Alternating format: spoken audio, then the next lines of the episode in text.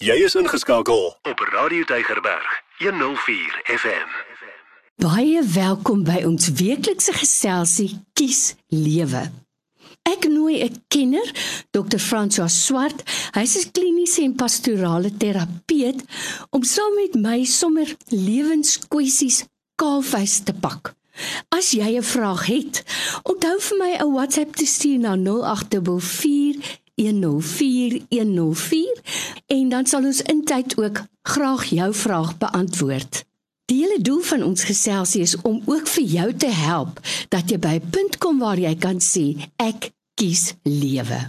Nou dokter François, as ons nou luister en lees en hoor wat die finansiële mense vir ons voorspel vir 2023, dan is dit dat ons ons gordels nog stywer moet intrek. Nou daar's baie mense wat sê as ek my gordel nog een knoopie stywer moet trek, gaan ek omkap, ek gaan nie asem kry nie. Want 2022 was al klaar uitdagend. Nou hoor ons dat elektrisiteit moontlik gaan styg met 30%. Skrikwekkend. Nou al hierdie voorspellings wat ons hoor en die vooruitsigte na die jaar wat voorlê, kan 'n mens nogal negatief maak. Maar Wat bereik ons daardeur? Ek sê altyd ons kan daardie verleentheid omskep in 'n geleentheid om beter rentmeesters te wees van ons geld. Maar hoe doen ons dit? Dis makliker gesê as gedaan want party mense is impulsiewe kopers. Ek sien 'n ding en ek wil hom nou koop. Ander mense weer sê ek gaan eers slaap daaroor of ek gaan kyk vir die beste koopie en seker maak of ek dit regtig nodig het. Hoe leer ons onsself om ons finansies ook met dissipline te bestuur? Ek dink dit is wonderlik dat ons oor finansies maar gereeld moet praat en daar's wonderlike artikels in die dagblaaie oor baie praktiese wenke. En wat my elke keer eh, tref as ek die goed deur werk Lorraine is Dit is nie verskriklike nuwe goed nie. Dit is mm. basiese goed wat ons almal kan doen. En die een wat vir my altyd tref is maak 'n lys van jou uitgawes. Juis om jou impulsiwiteit te bestuur.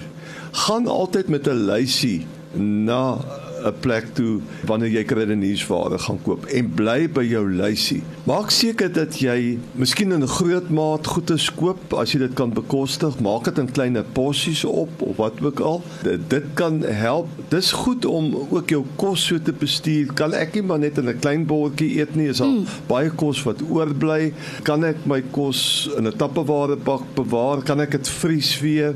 Laat ons nie so baie kos dalk weggooi nie. Beplan ek my kos kosvoorbereiding goed dat daar nie kos uh, onnodig in die asblik mm. beland nie.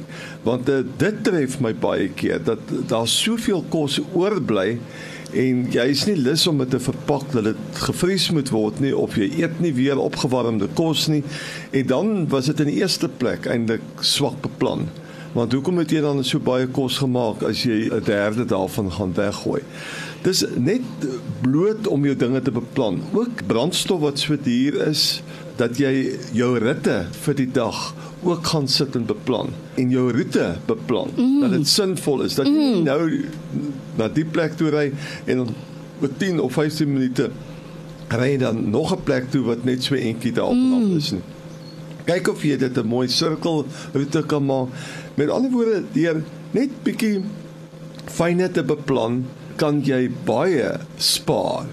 En dan om vir jou altyd dit maar in te bou dit wat ek nou juk om te koop, het ek dit werklik nodig? Is dit iets wat ek glad nie sonder kan klaarkom nie? En byna 50% toe rein 60% besef jy maar ek het dit nie eintlik nodig mm. Baie keer werk dit ook om saam met iemand dalk iets te koop. Ek weet nou van 'n praktiese geval. Ek en my ou buurman het 'n heining wat gesny moet word. Maar nou moet ons een van hierdie spoggerige snyers kry want ons kan nou nie meer op leere klim nie. Mm. Ons is bang ons val van die leere af. En nou kry jy hierdie lemme en goed wat jy op sekere maniere kan stel, maar die, die ding kos verskriklik duur. En wat ons toe op die ou besluit het daar in die straat, drie van ons het toe gesê maar Manne ons almal het heininge, maar ons kan mos nou maar een masjien tussen ons drie koop. Kyk nou. En ek is so dankbaar dat ek nie nodig het om daai geweldige koste om te gaan nie. Jy kan saamry klip stig in terme van wanneer jy met werk toe ry. Deur net bietjie beplanning te doen en met jou vriende hande te vat kan jy eintlik vir jou baie geld spaar. Nou by my in die ateljee vandag is dokter François Swart. Hy's 'n kliniese en pastorale terapeut en hy's 'n man wat in 'n besige skedule tyd afstaan om weekliks met jou en my te kom gesels om ons te help om hierdie lewensbaan te navigeer op so 'n manier dat ons uiteindelik by punt kan kom waar ons sê ek kies lewe. Maar dokter François, dit is bestuursvermoë en bestuursvernuf en jy het dit nou al so dikwels gesê. Ons weet om verskillende goed te bestuur, maar bestuur ek myself? Want uit dit wat jy nou gesê het, kom ook vir my eintlik beplanning en selfdissipline uit. Nou sê 'n ander persoon ook en dit was vir my baie interessant dat Suid-Afrikaners van die mense is wat die minste kla oor diens en wat die minste geneig is om stukke na artikels terug te neem na 'n winkel toe. Nou ek het nou al gaan sit en dink hoekom is dit so? En ek kan amper kategories sê, nie omdat ons so oordentlik groot gemaak is nie. Dis omdat ons die verdekselse strokies verloor. So, hou 'n boks. Enige ding wat jy koop, hou hom in daai doos sodat jy 'n uh, bewys het dat jy dit gekoop het en wat ons doen in ons huis. As ons nou 'n artikel koop dan skryf ons die datum op die boks in ons bære die bokse. En wanneer die waarborg verval kan ons die bokse weggooi. Maar daai bokse is altyd altyd daar met 'n groot datum opgeskryf. En dan is die strokie ons kopieer dit man sit dit binne in die boks want hy vervaag na tyd. Ek het nog nooit 'n artikel teruggeneem wat voor sy waarborg verval het gebreek het of stikkend was wat nie omgeruil is nie. Hulle is baie gretig om dit te doen, maar te min mense doen dit. Maar dit kom ook weer eens neer op dissipline en bestuur, nie waar nie? En goeie administrasie, ja. Mm.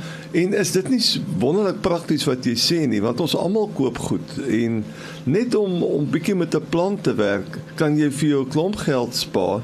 Ek dink 'n ander goed is wat ook belangrik is rondom mense finansies. 'n Mens moet vir jouself in die spieël kyk. Nie almal van ons is goed met finansies nie, Lorraine. Mm. En dit kan wees dat jy in jou familie of binne jou gesin, binne jou huwelik self vir jou lewensmaat sê, weet jy, ek sal bly wees as jy maar die finansies doen. Mm. Ons kan daaroor gesels saam maar ek dink jou administratiewe vaardighede is beter as myne. Ek sal bly wees as ons kan ooreenkom dat dit is my deeltjie en dat dit reg is as ek met dit aangaan.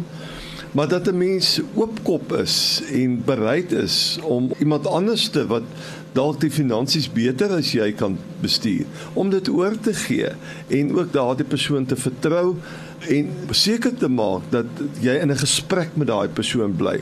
Baie keer wat ons doen is ons is so bang vir geld en vir skuld.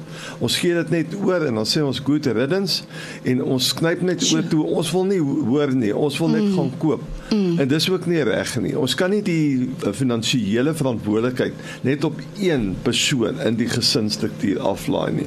Ons ons almal moet verantwoordelikheid vat daarvoor. Nou dokter François Tenslotte vandag Wat se raad of hulp is daar vir 'n persoon wat impulsief koop? Miskien 'n bietjie, hulle sê mos nou shopping therapy. Ek voel bietjie sleg, ek voel bietjie af, nou gaan koop ek gou iets en ek voel beter. Maar uiteindelik het dit 'n negatiewe impak op die hele gesin. Hoe help ek myself of 'n persoon om nie op impuls te koop nie? Ja, dis interessant. Binne die psigiatrie, uh binne die psigologie praat hulle van impulskontrole probleme. Dat jy net eenvoudig adrenalien rush het uh, met jou pituitêre klier en jy het hierdie jikkerigheid dat ek moet die ding koop.